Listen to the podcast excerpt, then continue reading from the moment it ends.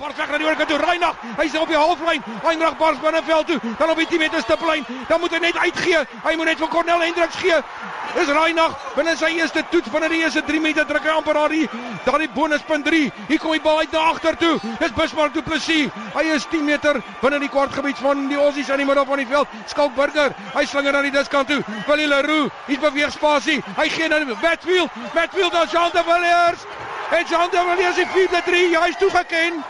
Jean de Villiers druk Suid-Afrika se 4-3. Ongelooflik. Dis sy tweede 3. Dis briljante rugby. Skielik, skielik, skielik speel die Bokke uitstekende rugby. In baie sportsoorte is tydsberekening en op die regte posisie te wees baie belangrik. Dink maar aan die Springbokke se wedstryd teen die All Blacks. Andre Pollard het op die regte tyd die bal binne toe gegee en Cornel Hendriks was in die regte plek in posisie om dit te vang en 'n pragtige 3 te druk. Dieselfde met die All Blacks se 3. Aaron Cruden gee 'n perfekte skoppie en Kieran Reid is in die regte posisie om die bal te vang.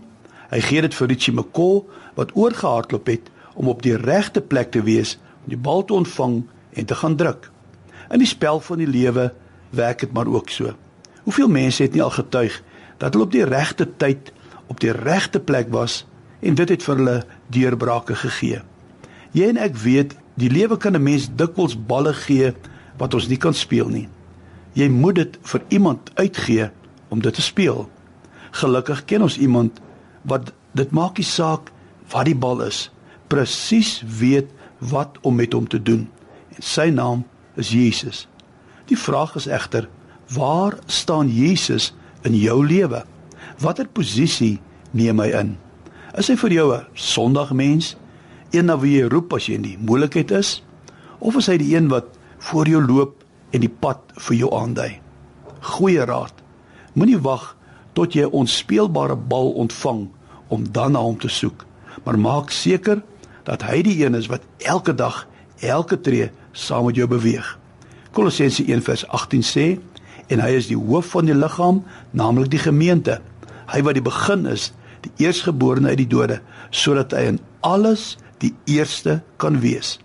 Mense vra dikwels, is dit reg? Is dit sonde? Wel my antwoord is, plaas Jesus in alles eerste. Hy sal vir jou sê wat is reg of wat is verkeerd. Jesus, die koning vir al die konings, die Heer van al die Here, mag nooit 'n ander plek as nommer 1 in jou lewe wees nie. Wil jy vanmôre opnuut saam met my bid en sê Jesus wees nommer 1 in my lewe?